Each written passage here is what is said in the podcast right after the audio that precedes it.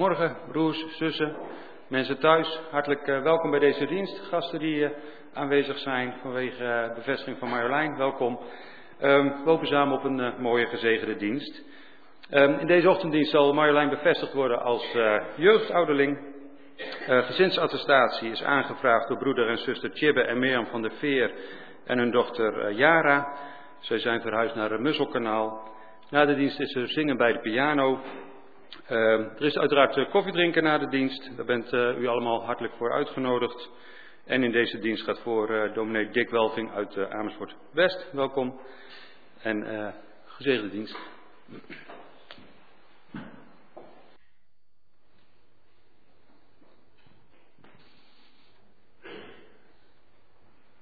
Goedemorgen. Is staat aan, hè? Ja, is staat aan. Nou, ik heb hier een paar keer gepreekt, was in de middagdienst, was het iets, ietsje rustiger. Uh, maar daar ken ik uh, jullie van, Jesse en Marjolein. Dus uh, bijzonder dat ik deze diensten mag doen. Dus dat is een klein linkje en dat is, ja, dat is extra bijzonder. We beginnen met twee liederen te zingen. De eerste doen we nog zittend, dat is Psalm 27. Het tweede lied, dan gaan we staan en dat is Fotum en Groet van Sela.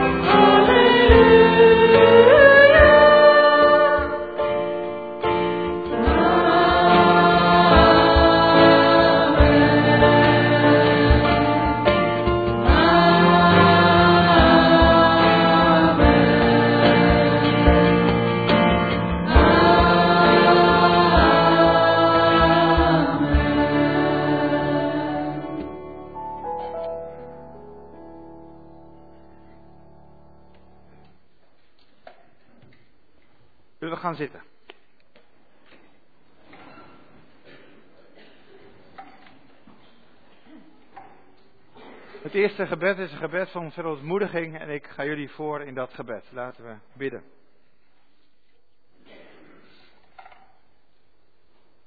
Heer, kom in ons leven, elke dag. Ook nu in deze bijzondere dienst, kom in ons leven, in deze stilte, nu.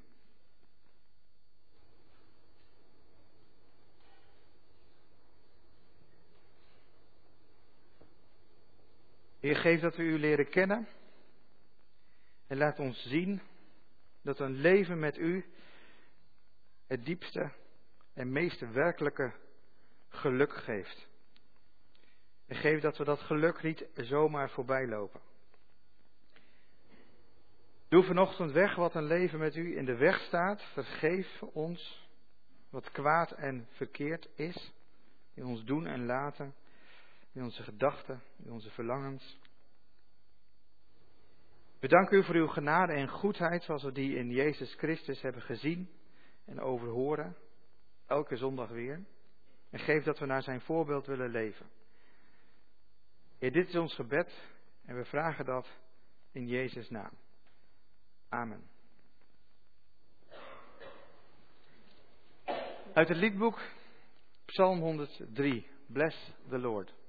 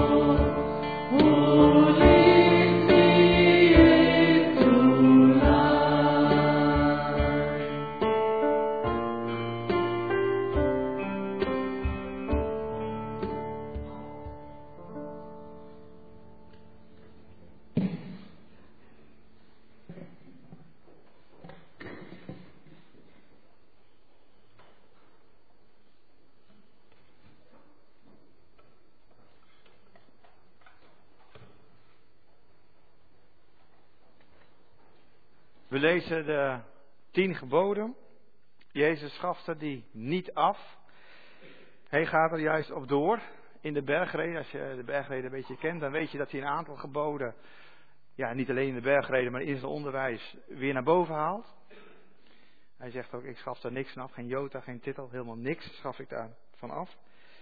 En Jezus begint die bergreden, zeg maar het manifest voor het koninkrijk, begint hij met, en dat staat in de Bijbel in gewone taal, gelukkig ben je als je, en dan volgen de zaligsprekingen. Dus gelukkig ben je als je, en dan al die zaligsprekingen. En het woordje gelukkig is heel bewust uh, door Jezus gekozen, want Psalm 119, dat is eigenlijk de grote lofzang op de wet, begint met het woordje gelukkig. Dat is het eerste woordje van die psalm.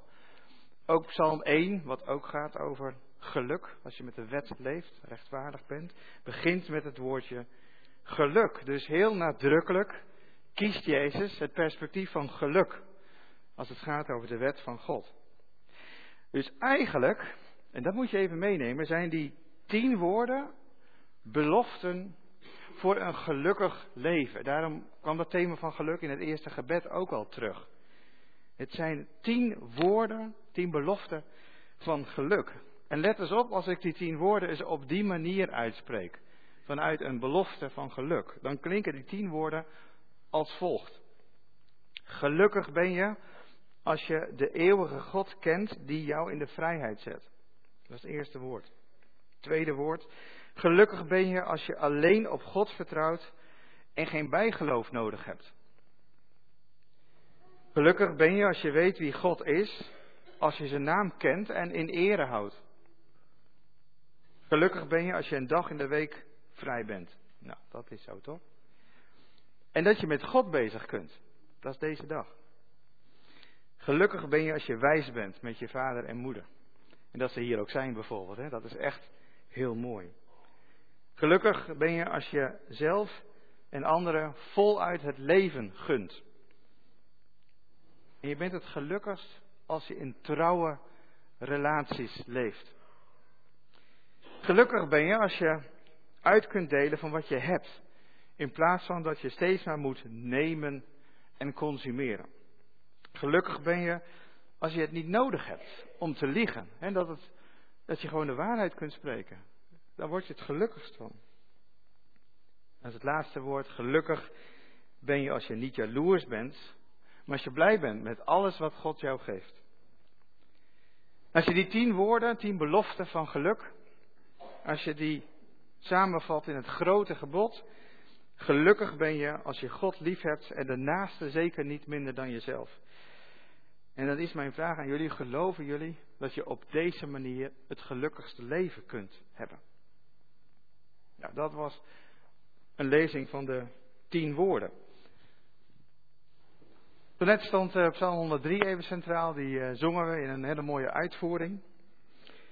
Nu is een andere psalm, psalm 121, en een psalm die Marjolein heeft uitgekozen. En Marjolein wil daar een persoonlijke toelichting bij geven. En daarna mogen jullie het uh, luisterlied, psalm 121, instarten.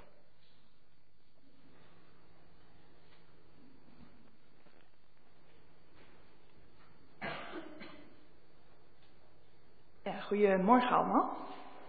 Ik wil graag het lied Als ik naar de bergen kijk met jullie luisteren. Laatst waren we bij een concert van Zela en daar hoorde ik het lied voor het eerst. Het ontroerde mij omdat het over bergen en vallen gaat. Een combinatie die ik zelf in 2018 heb meegemaakt bij een fietsongeluk in Oostenrijk. In het lied gaat het over wie je vangt als je valt. Ik heb zelf mogen ervaren hoe God mij opgevangen heeft, doordat Hij deze val en de gevolgen ervan gebruikt heeft om mij te laten groeien in hoe Hij mij bedoeld heeft. Het lied beschrijft een kwetsbaar mens die omhoog kijkt naar het pad dat zij moet gaan. Als ik nu naar de taak van jeugdouderling kijk, voel ik mij een kwetsbaar mens. Vragen als: kan ik het wel? Laat mijn verminderde energie het toe? Zijn de verwachtingen van anderen niet te hoog? Spelen soms door mijn hoofd. Maar wat een troost dat ik mag weten dat God met mij verbonden blijft en waakt bij elke stap, ook in dit proces. Dit is ook meteen wat ik onze jeugd mee wil geven met dit luisterlied. Er wordt gezongen over de vraag wie je richting geeft als je zoekend bent. Juist als jongere kun je veel vragen hebben over je toekomst en de keuzes die je hierin moet maken. Misschien ook wel vragen over Gods plan met je leven. Dan mag je weten, God is erbij, bij elke stap en bij elke keuze. Zoals een schaduw altijd met je meegaat, zo gaat God ook altijd met ons mee. Hij geeft richting, zelfs door diepe dalen heen, zoals ik ook mocht ervaren. We zien het alleen niet altijd. Hoe heerlijk is het dat we ons leven in Gods handen mogen leggen. Hij heeft echt al lang een plan voor je leven. Je hoeft het dus echt niet allemaal zelf uit te stippelen. God kan je bijvoorbeeld richting geven door situaties of door anderen heen. Of door een mooi lied. Het is goed om in ons drukke leven stil te staan bij wat God wil zeggen. Dus wanneer het goed met je gaat, maar ook wanneer je soms gepest wordt, als je zoekende bent in welke school of studie je moet kiezen, of wanneer je herstellende bent van een knieoperatie, God is dichtbij je. Hij leidt je aan je hand, hij troost je, hij slaat zijn armen om je heen als je valt. Let maar eens op hoe hoopvol de melodie wordt wanneer het over onze grote God gaat in het refrein.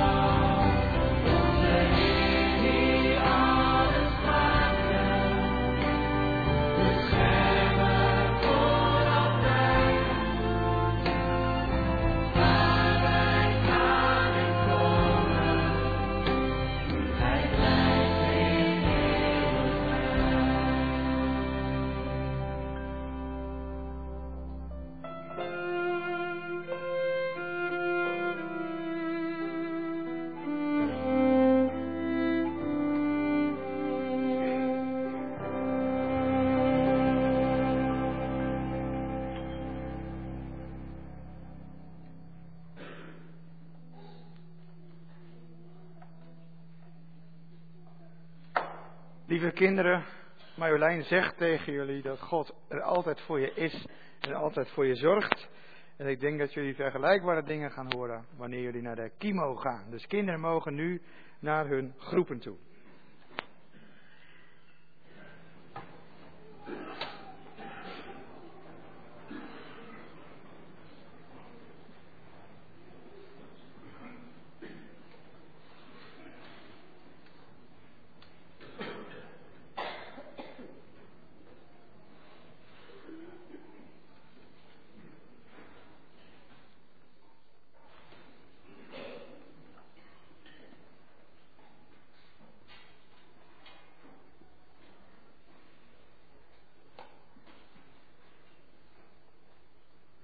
Gaan uh, bidden om Gods geest. Laten we bidden.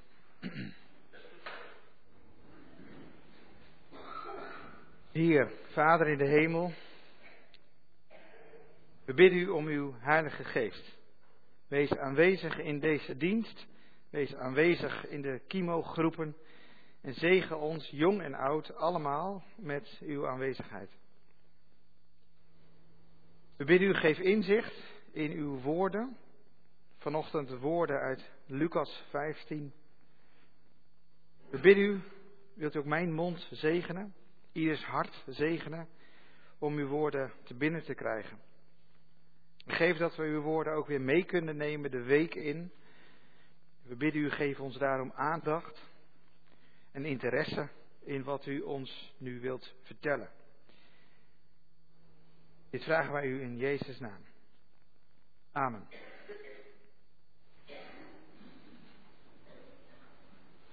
En toen kreeg ik de vraag, zou jij een jeugdouderling willen bevestigen? En achteraf was dat iemand waar ik al een paar gesprekken mee had gehad. Dus uh, ja, dat, uh, dat leek me heel erg mooi. Ik heb uh, zitten kijken welke preek ik mee zou nemen. Dan kijk je, hè, je vaak niet een nieuwe preek, maar toen dacht ik, ach, weet je wel, die prachtige preek over Lucas 15, over een vader die zich ontfermt, over twee zonen eigenlijk, over jongere generaties. Dat leek me eigenlijk ook wel mooi. We lezen daarom uit de Bijbel Lucas 15, vers 1 tot 32. En als ik het goed heb begrepen, gaat Tanja dat met ons lezen.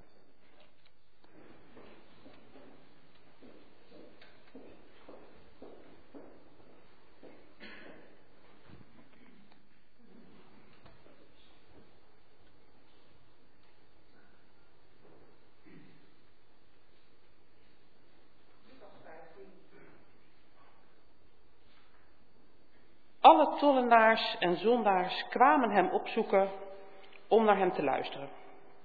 Maar zowel de fariseeën als de schriftgeleerden zeiden morrend tegen elkaar, die man ontvangt zondaars en eet met hen. Jezus vertelde hun toen deze gelijkenis. Als iemand van u honderd schapen heeft, waarvan er één verloren is geraakt, Laat hij dan niet de 99 anderen in de woestijn achter om naar het verdwaalde dier op zoek te gaan, tot hij het gevonden heeft? En als hij het gevonden heeft, legt hij het vol vreugde op zijn schouders en hij gaat naar huis. Daar roept hij zijn vrienden en buren bijeen en zegt tegen hen, deel in mijn vreugde, want ik heb het schaap gevonden dat verdwaald was. Ik zeg u, zo zal er in de hemel meer vreugde zijn over één zondaar die tot inkeer komt, dan over 99 rechtvaardigen die geen inkeer nodig hebben. En als een vrouw tien drachmen heeft en er één verliest, steekt ze toch de lamp aan, veegt het hele huis schoon en zoekt ze alles af, tot ze het muntstuk gevonden heeft.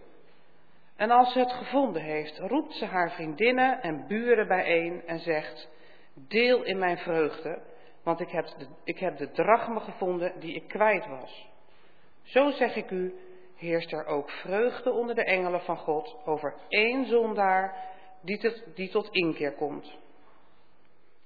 Vervolgens zei hij, iemand had twee zonen. De jongste van hen zei tegen zijn vader, Vader, geef mij het deel van uw bezit waarop ik recht heb. De vader verdeelde zijn vermogen onder hen. Na enkele dagen verzilverde de jongste zoon zijn bezit en reisde af naar een ver land, waar hij een losbandig leven leidde en zijn vermogen verkwiste. Toen hij alles had uitgegeven, werd dat land getroffen door een zware hongersnood en hij begon gebrek te lijden.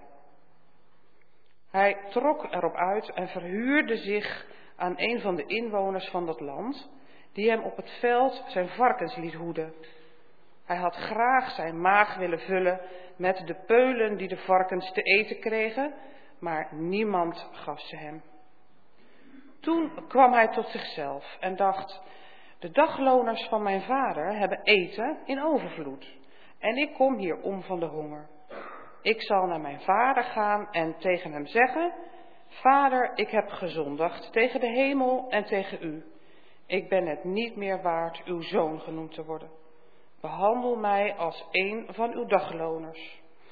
Hij vertrok meteen en ging op weg naar zijn vader. Zijn vader zag hem in de verte al aankomen. Hij kreeg medelijden en rende op zijn zoon af, viel hem om de hals en kuste hem.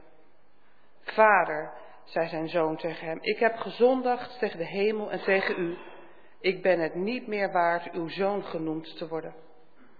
Maar de vader zei tegen zijn knechten, haal vlug het mooiste gewaad en trek het hem aan. Doe hem een ring aan zijn vinger en geef hem sandalen. Breng het gemeste kalf en slacht het. Laten we eten en feest vieren. Want deze zoon van mij was dood en is weer tot leven gekomen. Hij was verloren en is teruggevonden. En ze begonnen feest te vieren. De oudste zoon was op het veld. Toen hij naar huis ging en al dichtbij was, hoorde hij muziek en gedans. Hij riep een van de knechten bij zich en vroeg wat dat te betekenen had. De knecht zei tegen hem, uw broer is thuisgekomen en uw vader heeft het gemeste kalf geslacht, omdat hij hem gezond en wel heeft teruggekregen. Hij werd woedend en wilde niet naar binnen gaan. Maar zijn vader kwam naar buiten en probeerde hem tot andere gedachten te brengen. Hij zei tegen zijn vader, al jarenlang werk ik voor u en nooit ben ik u ongehoorzaam geweest als u mij iets opdroeg. En u hebt mij zelfs nooit een geitenbokje gegeven om met mijn vrienden feest te vieren. Maar nu die zoon van u is thuisgekomen, die uw vermogen heeft verkwanseld aan de hoeren, hebt u voor hem het gemeste kalf geslacht. Zijn vader zei tegen hem, mijn jongen, je bent altijd bij me en alles wat van mij is, is van jou. We kunnen toch alleen maar feest vieren en blij zijn, want je broer was dood en is weer tot leven gekomen. Hij was verloren en is teruggevonden.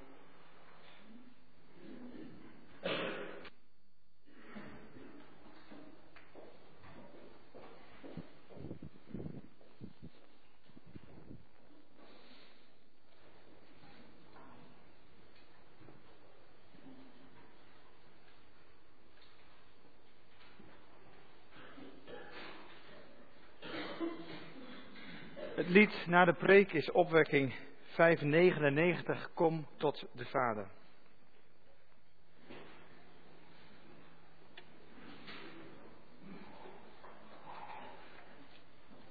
Lieve broers en zussen, in Lucas 15 vallen vader en zoon elkaar in de armen. Oudere en jongere generatie vallen elkaar in de arm.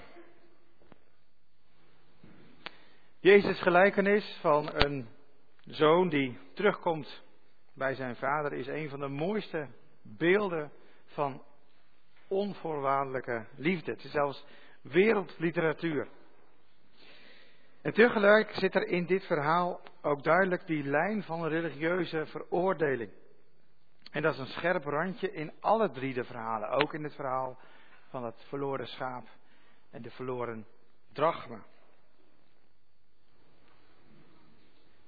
Lucas 15.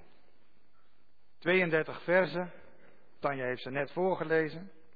En drie verhalen. Jezus vertelt drie gelijkenissen over hoe God mensen terugvindt. Want zo moet je ze lezen. Aan wie vertelt Jezus deze drie verhalen? En er worden er twee groepen genoemd. De eerste groep, dat waren de mensen die niet in beeld zijn bij de leiders van het volk. Er staat alle tollenaars en zondaars. Alle. Zij die Jezus kwamen opzoeken om naar hem te luisteren. Nou, tollenaars en zondaars. Nou, wat is dat dan? Nou, tollenaars waren uh, schuldeisers die al dan niet gedwongen voor de Romeinse bezetters aan het werk waren. En daarmee stonden deze tollenaars eigenlijk buiten de maatschappij. Aan de verkeerde kant van de maatschappelijke lijnen die de leiders van het volk hadden getrokken. En zondaars, wat zijn dat dan? Een beetje zo'n kerkwoord, hè, zondaar. Wat is dat? Het Griekse woord wat eronder zit is hamartoloi. Hamartoloi. Als je het woordelijk vertaalt, dan is dat zij die het doel missen. Zij die dwalen. dat mist het doel. Zij die dwalen. Dit zijn verdwaalde mensen. Dus vergeet even je kerkelijke associaties bij dat woord. We gaan terug naar die grondtekst. Dit zijn verdwaalde, dwalende mensen. Die nergens thuiskomen. En die ook onderweg nergens terecht kunnen. Die niet meer werden gezien. Die bewust of onbewust op zoek zijn naar iets. En die ten diepste gevonden willen worden. In de armen gesloten. Zij die dwalen. En blijkbaar voelde deze groep zich enorm gezien door Jezus. Want ze hadden hem, en dat zie je ook, allemaal opgezocht. Allemaal, om naar hem te luisteren. Staat in vers 1. Alle tollenaars en zondaars. Dus alles wat daar aan verdwaalde mensen was, dat was bij Jezus. Ik denk dat ze daar waren omdat Jezus anders naar hen keek. Anders dan de leiders van het volk naar hen keken. Deze verdwaalden waren niet per se slechte mensen. Ze waren alleen verdwaald. Ze stonden aan de verkeerde kant van de door die andere groep getrokken maatschappelijke lijnen. En dan zijn het deze mensen die die lijnen trokken, de tweede groep mensen die Jezus drie verhalen aanhoren. En dat zijn de leiders van het volk. Vers 2, daar staat dan, zowel de fariseeën als de schriftgeleerden waren daar aanwezig. Beide groepen wordt expliciet benadrukt. Kijk eens, ze zijn er allebei.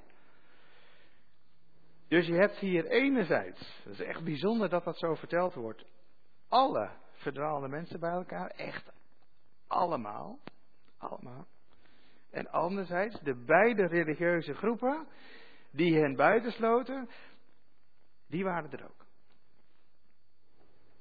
En deze tweede groep, de leiders van het volk, die zeggen dan morrend, die man, dat is Jezus natuurlijk, die man ontvangt zondaars en eet met hen.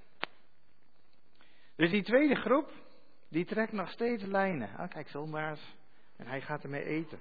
In plaats van dat zij zeggen, eens kijken man, ze zijn er allemaal. Dus iedereen die van het volk verdwaald is, die is, die is nu hier. Moet je eens kijken, ze zijn er allemaal. Wanneer gebeurt dat? Laten we zeggen dat ze welkom zijn. Ze zijn allemaal hier. We, we moeten nu een, een feest houden, een welkom thuisfeest. Maar dat zegt deze groep dus niet. En daarom vertelt Jezus die drie verhalen. Over een schaap wat teruggevonden wordt. Over een drachme, dat is een, eh, een muntstuk uit die tijd, wat teruggevonden wordt. En over een zoon die teruggevonden wordt. En dat deze drie verhalen, vooral dat laatste verhaal over de teruggevonden zoon, al 2000 jaar lang mensen raakt, dat komt hierdoor. Dat zijn direct ook de drie punten van de preek. En Marjolein, let op. Je bent driftig aan het schrijven, heel goed. Houd deze gelijkenis van Jezus altijd in je achterhoofd. Hier. straks als je aan het werk bent als ouderling voor de jeugd. Deze gelijkenis is heel belangrijk. Het eerste punt, de drie verhalen gaan niet over schuld of zonde. Daar moet je niet direct over beginnen. Want daar, daar gaan ze niet over. De drie verhalen gaan eigenlijk ook niet over verloren zijn. De drie verhalen gaan over twee broers. Het gaat niet over schuld. Het gaat niet over verloren zijn. Het gaat wel over twee symbolische broers. We zullen zien dat zijn die twee groepen. Nou, die drie verhalen die zijn nog steeds vandaag de dag heel actueel. Voor kinderen, voor jongeren die aan hun leven beginnen, grofweg, hè, 0 tot 24, ik noem maar even iets. Maar ook voor mensen die al wat langer onderweg zijn. Die ook gevonden willen worden en gezien willen worden. Maar misschien zijn deze verhalen ook wel voor mensen die geen idee hebben dat ze verdwaald zijn. Of dat ze zoeken. Die nu voorbij lopen en die zijn aan het joggen, bij wijze van spreken. Die hebben ook geen idee waar ze naar op zoek zijn. Het eerste punt. Het gaat niet over schuld. De oorzaak van de verdwaling van dat schaap komt niet ter sprake. Waarom is die verdwaald? Waarom is die verloren geraakt? Wordt niet genoemd. Het verdwaalde schaap krijgt nergens de schuld. Nergens. De oorzaak van het verlies van het muntstuk komt ook niet ter sprake. Het muntstuk kan er natuurlijk helemaal niks aan doen, want het is een ding. Maar die vrouw zou er wel wat aan kunnen doen. Maar die krijgt ook niet de schuld. De oorzaak van het vertrek van de zoon komt ook niet ter sprake. Waarom was hij ontevreden, zocht hij het avontuur? Het staat er gewoon niet.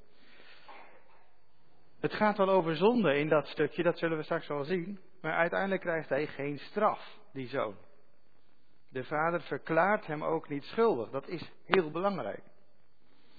Dus Jezus noemt in die drie verhalen het aspect schuld niet. Want daar gaat het niet om. En, en dat, Marjolein, is een belangrijke. Het, het gaat daar niet om. Je kunt jongeren en kinderen hun leeftijd niet kwalijk nemen. Je kunt ze niet kwalijk nemen in welke tijd ze opgroeien, met al de uitdagingen en verleidingen. Het gaat niet om schuld. En toch, in vers 18, vers 21, dan zegt die zoon tegen de vader: Ik heb gezondigd tegen de hemel en tegen u. Dus dan gaat het wel over schuld, zou je zeggen. Nou, waarschijnlijk is dat wel waar, want in vers 13, daar staat: Hij leidde een losbandig leven. En in vers 29, dan zegt die oudste zoon: Ja, maar papa, hij ging wel naar de hoeren, hè? Vers 29. Maar die vader, die laat die schuldbeleidenis van zijn jongste zoon en die aanklacht van die oudste zoon tegen die jongste zoon, die laat die vader onbesproken. Hij reageert daar niet op, maar dat is niet waar. Hij, hij, hij zegt daar niks over. Hij reageert er wel op, maar anders dan je denkt. Vanaf vers, vers 22 lees je de reactie van die vader op die geloofsbeleidenis, of schuldbeleidenis. Er staat dit, de vader zegt tegen zijn knechten, haal vlug het mooiste gewaad en trek hem dit aan. Doe hem een ring aan zijn vinger, geef hem sandalen en breng het gemeste kalf en slacht het. Laten we eten en feest vieren, want deze zoon van mij was dood en is weer tot leven gekomen. Hij was verloren en is teruggevonden. En ze begonnen feest te vieren. Wat nou schuld en straf? Het is feest. Dit is een welkom thuisfeest. En kijk eens wat daarvoor staat, vers 20. Zijn vader zag hem in de verte al aankomen. Hij kreeg medelijden en rende op zijn zoon af. Hij viel hem om de hals en kuste hem. Het gaat niet over schuld. Het tweede punt, het gaat ook niet over verloren zijn. In heel Lucas 15, dat hele hoofdstuk, gaat het niet om verloren zijn. Dat is niet de boodschap. In het eerste verhaal, het teruggevonden schaap. De boodschap is niet pas maar op dat jij de kudde niet verlaat, dus verloren gaat. Die waarschuwing zit daar niet expliciet in. Dat is niet wat Jezus wil zeggen met het verhaal. Dat staat er ook niet. Het gaat om het terugvinden. Want dan, daar wordt de hemel van feestvreugde, staat in vers 7. Dan is het feest. Net als bij de teruggevonden zoon. Dan gaan die engelen feest vieren. Waar is dat feestje? Daar is dat feestje. Nou, daar dus. En dan het tweede verhaal. Het teruggevonden muntstuk. De boodschap is niet, pas maar op dat jij, net als dat muntstuk, verloren raakt. De boodschap is juist, God zet alles op de kop om het kostbare terug te vinden. Vers 8, hij steekt de lamp aan, hij veegt het huis schoon.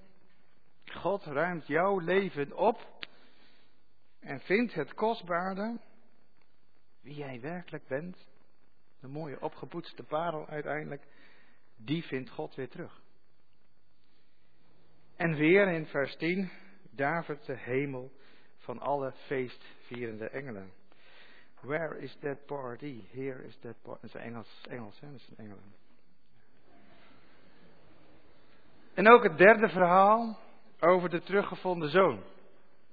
De zoon is uh, teruggevonden, maar die zoon die vond van niet. Hij zegt in vers 19, ik ben het niet meer waard om uw zoon genoemd te worden. Maar daar heeft die vader helemaal geen boodschap aan. Jij bent mijn zoon.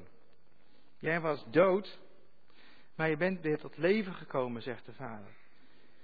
Het gaat niet om verloren zijn, dat is passé. Het gaat nu om het gevonden worden. Dat is het nu, dat is het. In vers 32 staat, hij was verloren, maar hij is teruggevonden. En dat is de werkelijkheid waar we nu mee te maken hebben. En daar moeten we het nu over hebben. Dat is het. En het ging altijd al om teruggevonden worden en niet om verloren gaan. Dan moet je even omdenken. En dit is voor jullie allemaal die mensen missen. Misschien je kind of je kleinkind of een broer of misschien is het een van je ouders die weggelopen is bij God. Weggelopen uit de gemeenschap.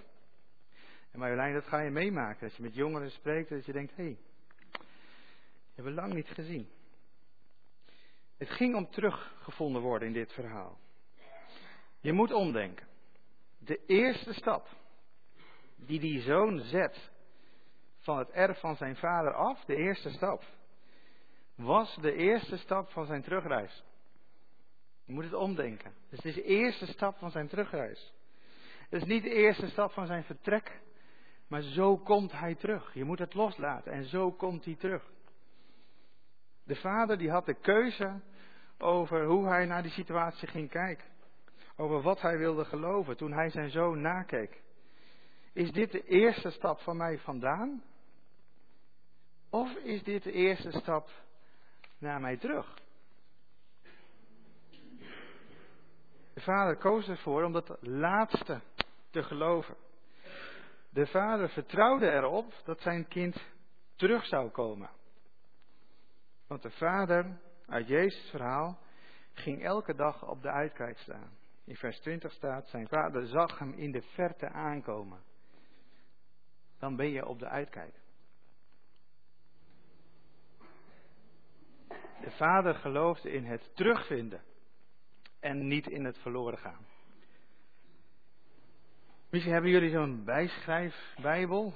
Dat zijn bijbels, daar kun je dingen bij. Eh, alle bijbels kun je dingen bijschrijven, maar sommige bijbels die zijn er speciaal voor. Kun je dingen bijschrijven. In de bijbelvertaling hebben uh, de vertalers titels toegevoegd. Dat is dus niet de oorspronkelijke tekst, maar titels. Hè? Pericoop-titels heet dat. Stukjes. Dan moet je overal waar verloren staat teruggevonden schrijven. Dus de verloren zoon is de teruggevonden zoon. De verloren muntstuk is het teruggevonden muntstuk. En het verloren schaap is het teruggevonden schaap. Want het gaat niet om verloren gaan. Het gaat om teruggevonden worden.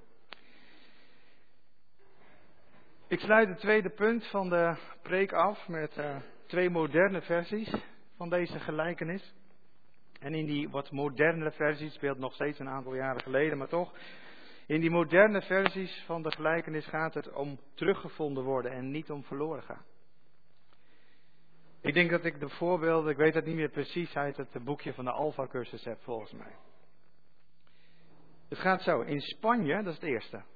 In Spanje heette elke jongen Manuel, toen elke jongen bij ons nog Jan heette. Misschien was het de jaren 50 of zo. Manuel is een hele gewone Spaanse naam. De vader van Manuel, die zet een advertentie in de krant. Want je had natuurlijk nog geen socials en je geen internet. En, uh, dus in de krant moest je iets zeggen, wil je iets aan de wereld kwijt. Een advertentie in de krant en er staat dit. Manuel, ik mis jou. Kom thuis. Ik hoop je in mijn armen te sluiten aanstaande woensdag, 4 uur, Centraal Station Madrid. Je vader. Dat was de advertentie. En dan is het woensdag. En dan is het 4 uur. Dat is het Centraal Station Madrid. Dat is wel een vader. Maar zijn zoon is er niet. Wel zijn er 16 andere Manuels die teruggevonden willen worden. Het gaat om teruggevonden willen worden. Daar gaat het om. Dat is het punt. Het tweede verhaal speelt in Nederland, midden jaren 60. Een dochter vertrekt zomaar van huis. Twee jaar later schrijft ze een eerste brief. Nogmaals, geen sociale media, geen app, niks. Dus een eerste, na twee jaar schrijft die dochter een brief aan haar ouders. Lieve papa en mama, als ik terug mag komen, hang dan een rood lint aan de oude eik bij het station. Jullie dochter. Heel kort briefje. Die zondag reist de jonge vrouw met de trein naar haar ouderlijk huis. Met een kind van anderhalf jaar op geschoot. Oh, oh, oké. Ze durft niet uit het treinraam te kijken. Ze reist met haar rug naar de rijrichting. Ze vraagt een oudere vrouw tegenover haar: Ziet u, ik vind het een beetje spannend, maar ziet u toevallig een grote eikenboom met een rood lint eraan? De vrouw zegt: Ja, ik zie wel een eik, maar er hangt niet een rood lint aan. Er hangen er wel duizend aan. Zie je? Het gaat niet om verloren zijn. Het gaat altijd om teruggevonden worden. Derde punt. Het gaat over twee broers. Die twee groepen luisteraars van die drie verhalen, die zijn als die twee broers.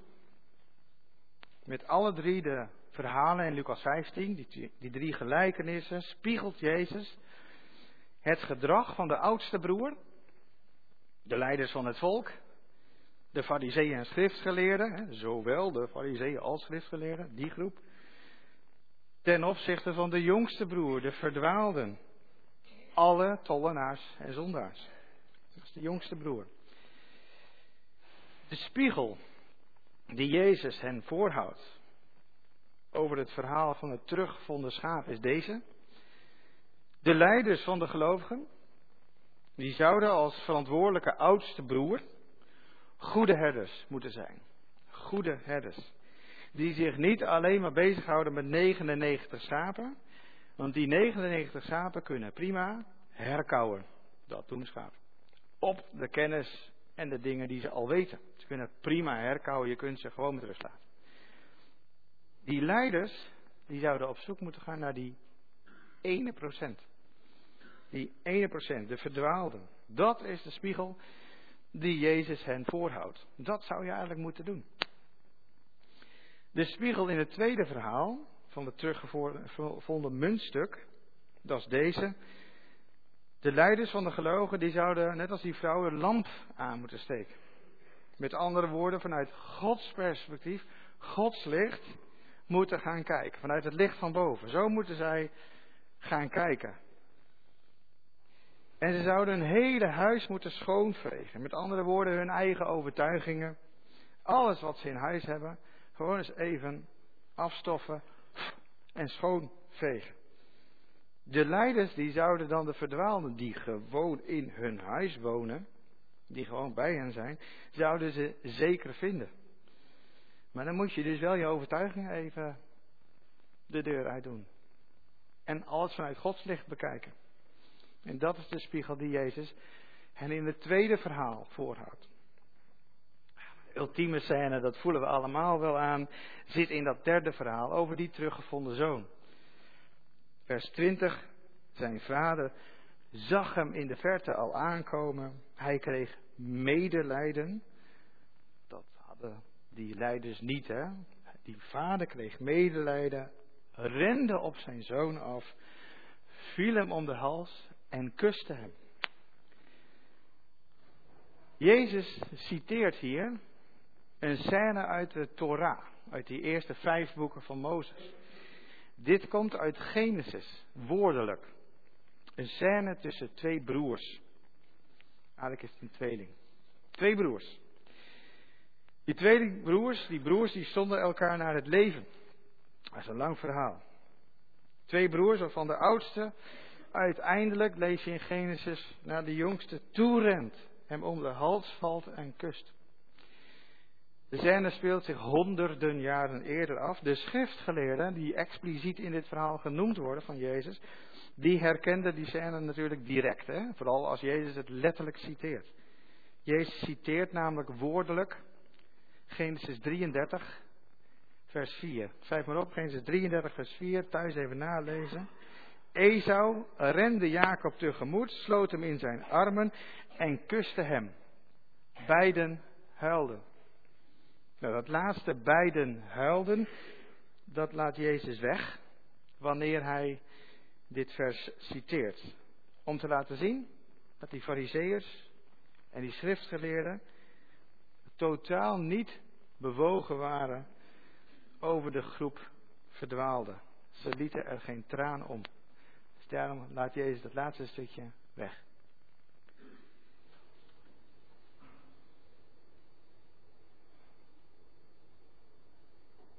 In Jezus' gelijkenis van de teruggevonden zoon is het dus niet die oudste broer die de jongste broer in de armen sluit. Dat vertelt Jezus niet. De oudste zoon, de leiders, die zijn nooit op zoek gegaan naar hun jongere broer, de verdwaalden, die gewoon in hun eigen huis wonen, in hun eigen samenleving. Dus in de gelijkenis van Jezus doet de vader zelf wat die oudste zoon moet doen. De vader sluit de verdwaalde jongste zoon in zijn armen. Het zou de leiders van het volk op dat moment, wanneer Jezus die verhalen vertelt, moeten raken. Dat er zoveel verdwalen ineens voor hun neus staan. Dat ze allemaal voor hun zijn. Maar het raakt ze niet. Ze zeggen, ah, eens kijken, die man die eet met hen. Met die zondaars. Ze komen niet in beweging. En ze blijven onbewogen. Dus omarmt God de Vader de verdwaalden zelf maar. Nou zijn die leiders, zijn die gelovigen dan echt de slechterikken? Nee, want in vers 28, daar lees je de oudste zoon in het verhaal is woedend. Die oudste broer, woedend. Maar dan komt die vader een tweede keer naar buiten. Ook dat is een naar buiten komen van die vader. Een tweede keer. En dit keer de beweging naar die oudste zoon toe. Niet aanwijzend, nee, dan kom ik wel naar jou toe. Hij zegt, alles wat van mij is, is van jou. Dus een nog grotere boodschap dan hij tegen de jongste zoon zei. Alles, alles wat je hier ziet, dat is toch van jou, want dat deel van je broer is weg. God houdt van alle twee zijn zonen. Het gaat om twee broers. Je moet ze ook nooit, en dat is in jouw werk ook Marjolein, als kerkraad sowieso, je moet dat nooit tegen elkaar uitspelen. Ah, de jongere generatie, daar gaat het nu om. Nee, de oudere generatie, die is belangrijk. Nee, je moet dat, het gaat om allebei. Lieve allemaal, het is een beetje een open deur, maar de deur bij God staat altijd open. Je kunt gaan, zoals die jongste zoon. En je kunt komen, of blijven, zoals die oudste zoon. God is in allebei. Dat is Psalm 121 en Marjolein haalde die al aan. Hij is in je gaan en hij is in je komen. God is overal. Overal bij jou. Ook bij jullie jongeren. God is bij jullie. Altijd. Je leven lang. Hoe je weg of reis ook is. Marjolein, deze preek, dit verhaal eigenlijk, veel meer dan die preek, maar deze, dit verhaal is het script voor jouw ambtswerk, denk ik. Amen.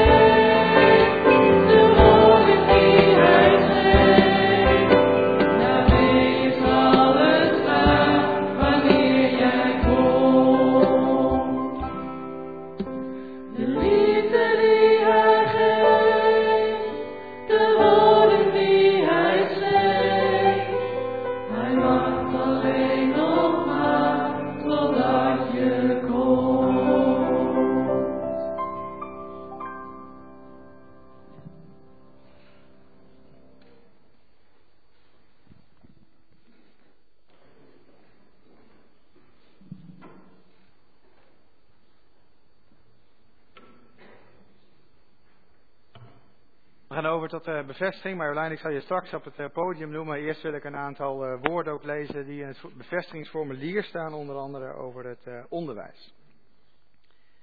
wat een ouderling is bijvoorbeeld. Gemeente van onze Heer Jezus Christus. Als kerkraad hebben we jullie tweemaal de naam van Marjolein bekendgemaakt om na te gaan of er iemand een gegrond bezwaar tegen haar bevestiging had in te brengen. En deze bezwaren waren niet aan de orde. Daarom wordt deze zuster nu in de naam van onze Heer in haar ambt bevestigd. Nou, dan een stukje onderwijs. Als uh, het hoofd van de kerk zorgt Christus vanuit de hemel voor zijn gemeente op aarde. Daarvoor neemt hij mensen in dienst. De apostel Paulus die zegt, hij is het die apostelen heeft aangesteld en profeten, evangelieverkondigers, herders en leraren om de heiligen toe te rusten voor het werk in zijn dienst. Zo wordt het lichaam van Christus opgebouwd. Als goede herder zorgt hij voortdurend voor zijn kudde en stelt hij herders aan om in zijn naam op de schapen te passen. Over ouderlingen staat dan dit. Oudsten vinden we al in het Oude Testament. Ze bekleden daar een leidende functie. In het Nieuwe Testament lezen we dat de apostelen door de geest van Christus geleid in elke gemeente oudsten aanstelden. Ja, dat zie je dus hier ook, hè, Jan Willem. Je hebt ook een groep van mensen met allemaal oudsten. Er waren in die vroeg-christelijke kerk oudsten die leiding gaven, bij ons vaak ouderlingen genoemd, en oudsten die daarnaast prekenbeurten en onderwijs gaven. En die noemen wij nu predikanten. Met hen vormen de ouderlingen nu de kerkraad. Door de leiding van de gemeente toe te vertrouwen aan de ouderlingen met de, predikanten, beschermt Christus zijn kerk tegen heerszuchtig optreden van enkelingen. Over de taak van de ouderlingen bespreekt het Nieuwe Testament op diverse plaatsen. Samen met de predikanten moeten ze als herders de gemeente besturen en verzorgen. Op de eerste plaats let ze erop dat ieder lid van de gemeente in woord en daad leeft in overeenstemming met het evangelie. Je wilt geen voeg ik even toe, je wilt geen dwalende mensen. Je wilt dat mensen richting vinden in het woord van God. En dat is de taak van een ouderling. De bezoeken de leden van Christus gemeente om hen aan de hand van de Bijbel te troosten, te waarschuwen en te onderwijzen. Zij die zich in leer of leven slecht uh, gedragen, die wijzen ze terecht. En ze zorgen ervoor dat de doop en het avondmaal niet ontheiligd worden. Op hen die bewust in zonde blijven leven, passen ze de christelijke tucht toe. In tweede plaats zorgen ze er als beheerders van Gods huis voor dat alles in de gemeente vreedzaam en ordelijk toegaat. En wel zo als Christus het opgedragen heeft. Ze letten erop dat niemand een ambt bekleedt in de gemeente zonder daartoe op een wettige manier geroepen te zijn. De predikanten helpen ze met raad en daad. In de derde plaats houden de ouderlingen toezicht op het leer en leven van de predikanten. Nou, jullie zijn vakant, maar alles wat hier voorbij komt aan predikanten, jullie hebben toezicht, ook op mij, op, op hoe ik preek en hoe ik de Bijbel uitleg. Er mag immers geen dwaalleer worden verkondigd en de gemeente moet worden opgebouwd. Met dat doel droeg Paulus de oudsten van de gemeente in Efeze op te waken voor wolven die de schaapskooi van Christus zouden binnendringen. De ouderlingen zullen deze taak kunnen vervullen als ze zich verdiepen in de Bijbel en zich oefenen in een leven dat aan God is toegewijd. Marjolein, mag ik je vragen om hier te komen staan?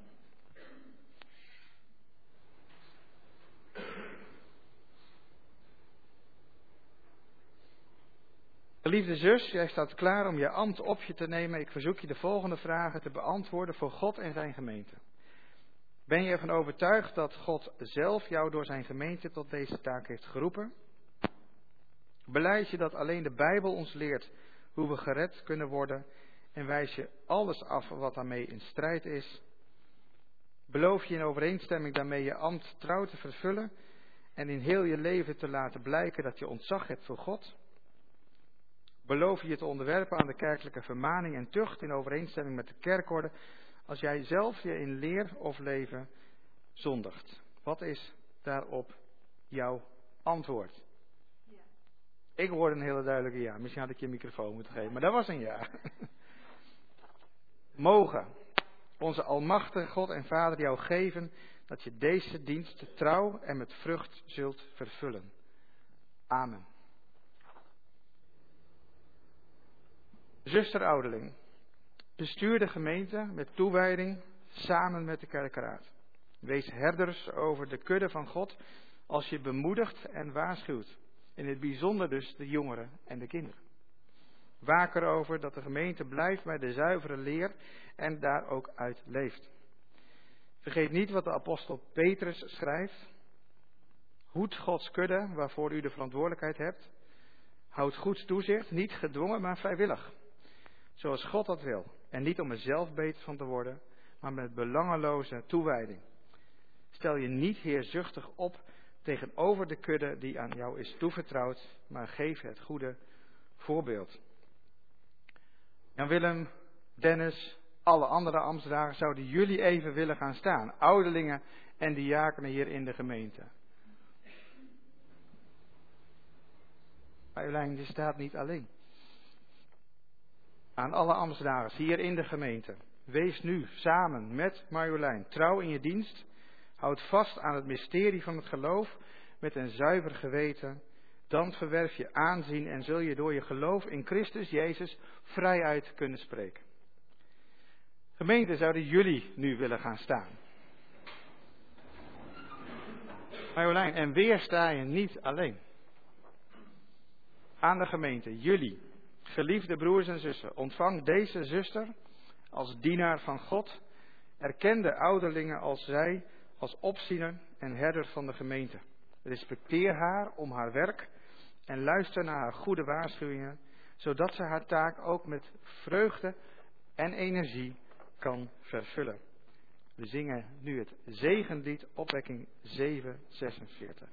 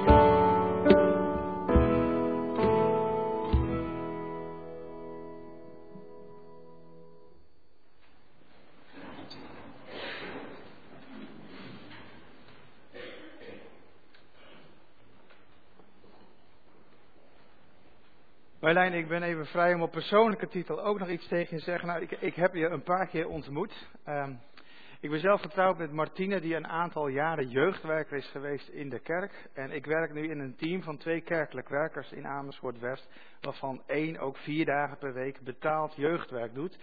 Dus ik weet wel een beetje wat wel en niet werkt. Dus een paar tips voor jou, maar ook nadrukkelijk voor jou als kerkraad en misschien ook wel appel op jullie als gemeente. Dus doe er je voordeel mee. Het eerste wat ik tegen je wil zeggen, God zorgt voor jou.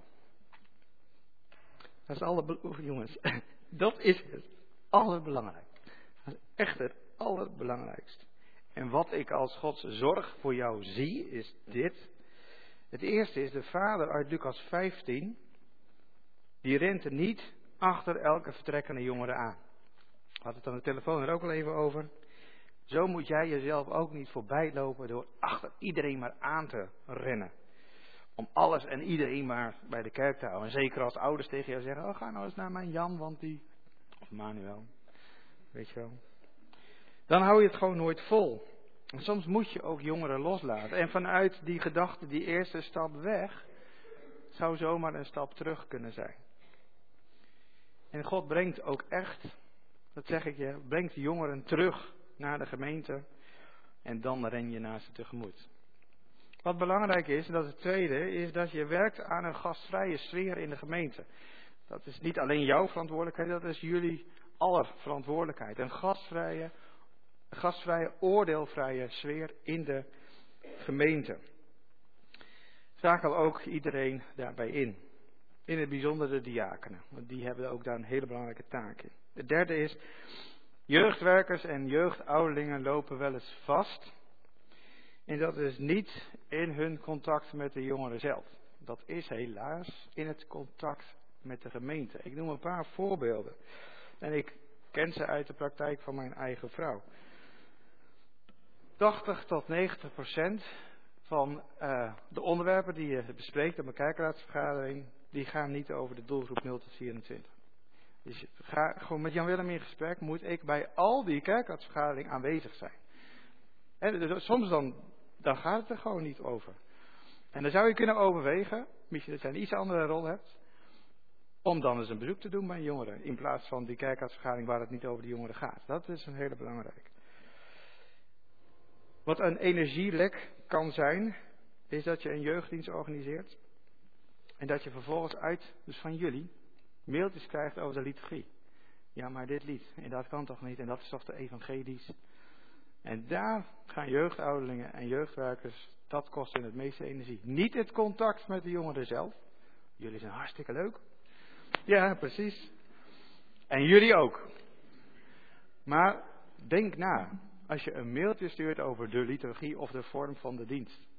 Want dat is echt een energielek voor iemand die zich er van harte, hart en ziel in, in uh, uh, zet. Tot slot, misschien moet ik dat overal tegen de kerkraad zeggen, zorg dat ze een coach of mentor krijgt.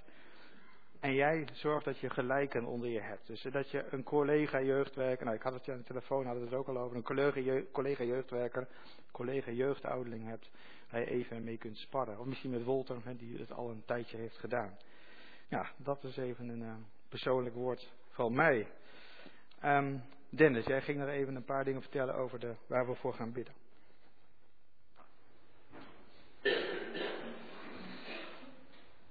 De aandachtspunten voor het gebed zijn natuurlijk uh, de gezinsattestatie van Chibbe, Mirjam, Jara, uh, van de Veer.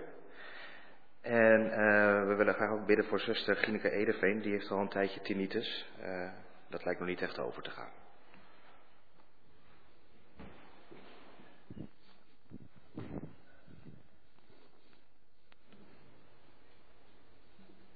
En we gaan ook danken voor Wolter. Die uh, de pilot vormde voor het jeugdouderlingschap en ook al een aantal jaren dat deed. Laten we bidden. Vader in de hemel. Heer, dank u wel voor het werk van Wolter, die de weg heeft vrijgemaakt voor Marjolein. Dank u wel voor de pilot die hij hier mocht uh, doen. En dat hij heeft ontdekt wat het is om met jongeren en kinderen te werken. Dank u voor zijn werk wat hij al jaren doet daarin. Zegen hem op zijn plek in de gemeente en in zijn leven. We bidden u, ontferm u ook over Marjolein, die deze taak nu structureel vorm geeft. Geef haar de energie, de kracht, de wijsheid en de liefde die nodig is om voor de kinderen en jongeren, de jeugd, te zorgen. Help ons als gemeente ook om Marjolein te geven wat zij nodig heeft.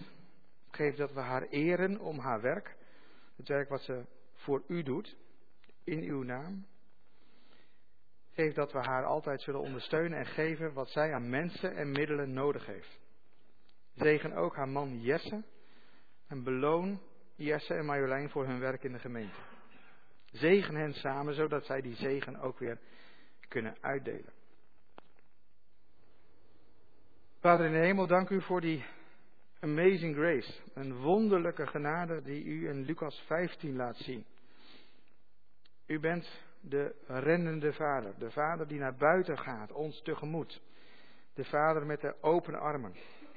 die niet oordeelt, die schuld kwijtscheldt en er nooit meer over spreekt.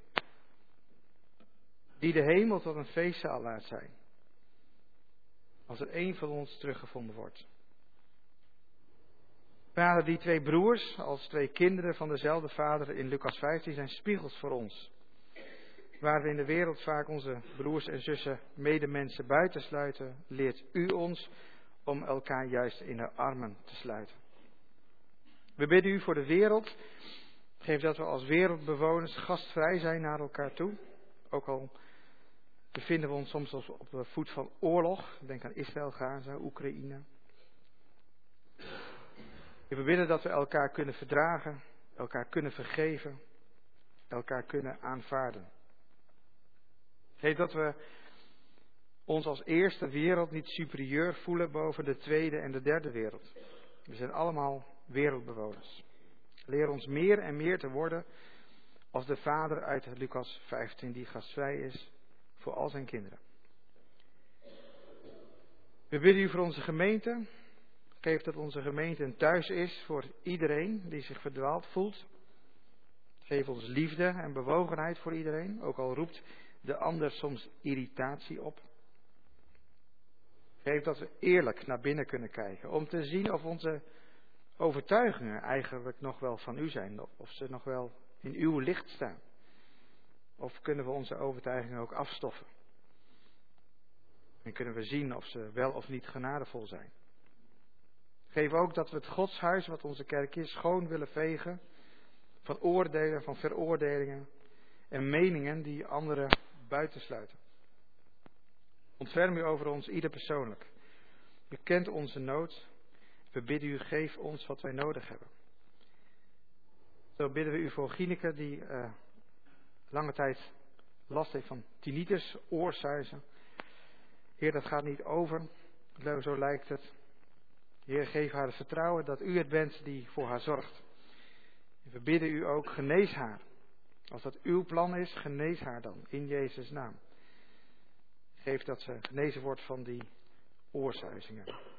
We bidden u voor Tjibbe, Mirjam en hun dochter Yara, die naar het Musselkanaal zijn verhuisd. We danken u voor hun tijd bij ons en we bidden u voor de zegen over hun leven. Geef dat ze een gemeente vinden die bij hun past en meer nog die u voor hen bedacht hebt. Heer, geef dat ze de moed en energie en wijsheid hebben om daarin de keuze te maken om een gemeente te vinden, maar ook de goede keuze maken. Heer, wees bij hen. Heer, dit zijn onze gebeden en we bidden ze in Jezus' naam. Amen.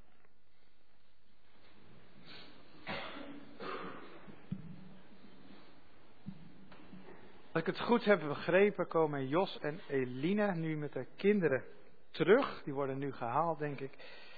En die hebben iets voorbereid, dus ik ben bang Marjolein dat je straks nog even naar voren moet komen, dat de kinderen je nog iets gaan geven. We wachten even rustig tot de kinderen en Jos en Eline hier zijn.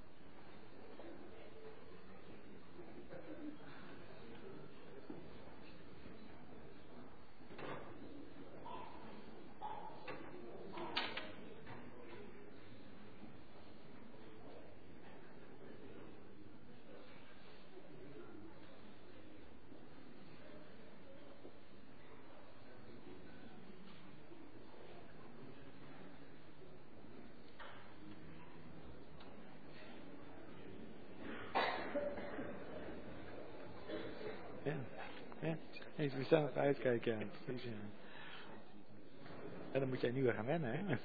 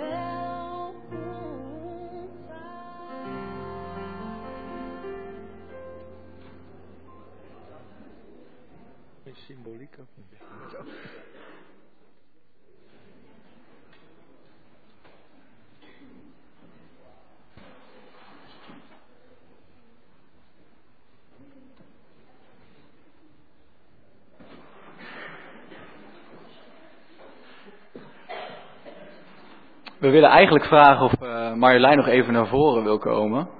Want ehm, we hebben nog wat voor haar gemaakt met z'n allen. Alle kinderen eh, van Kimo. Dus eh, we hebben een ja, slinger gemaakt.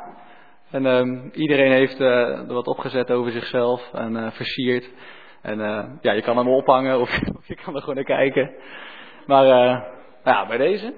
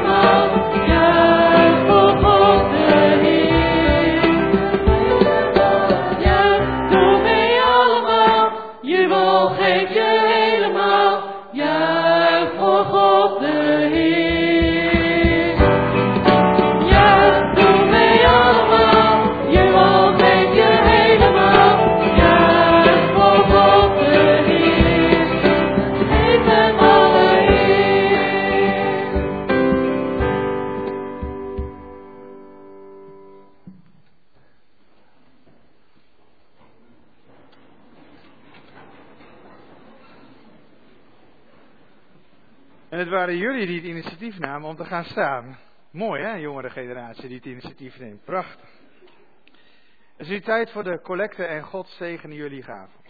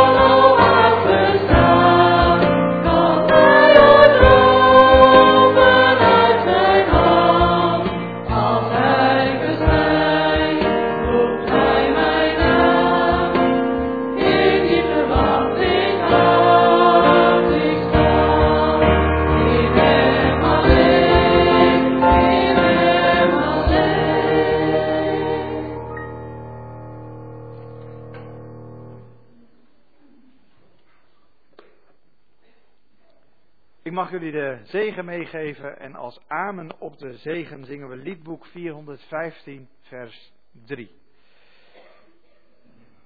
De genade van de Heer Jezus Christus, de liefde van God en de eenheid met de Heilige Geest zijn met jullie allemaal.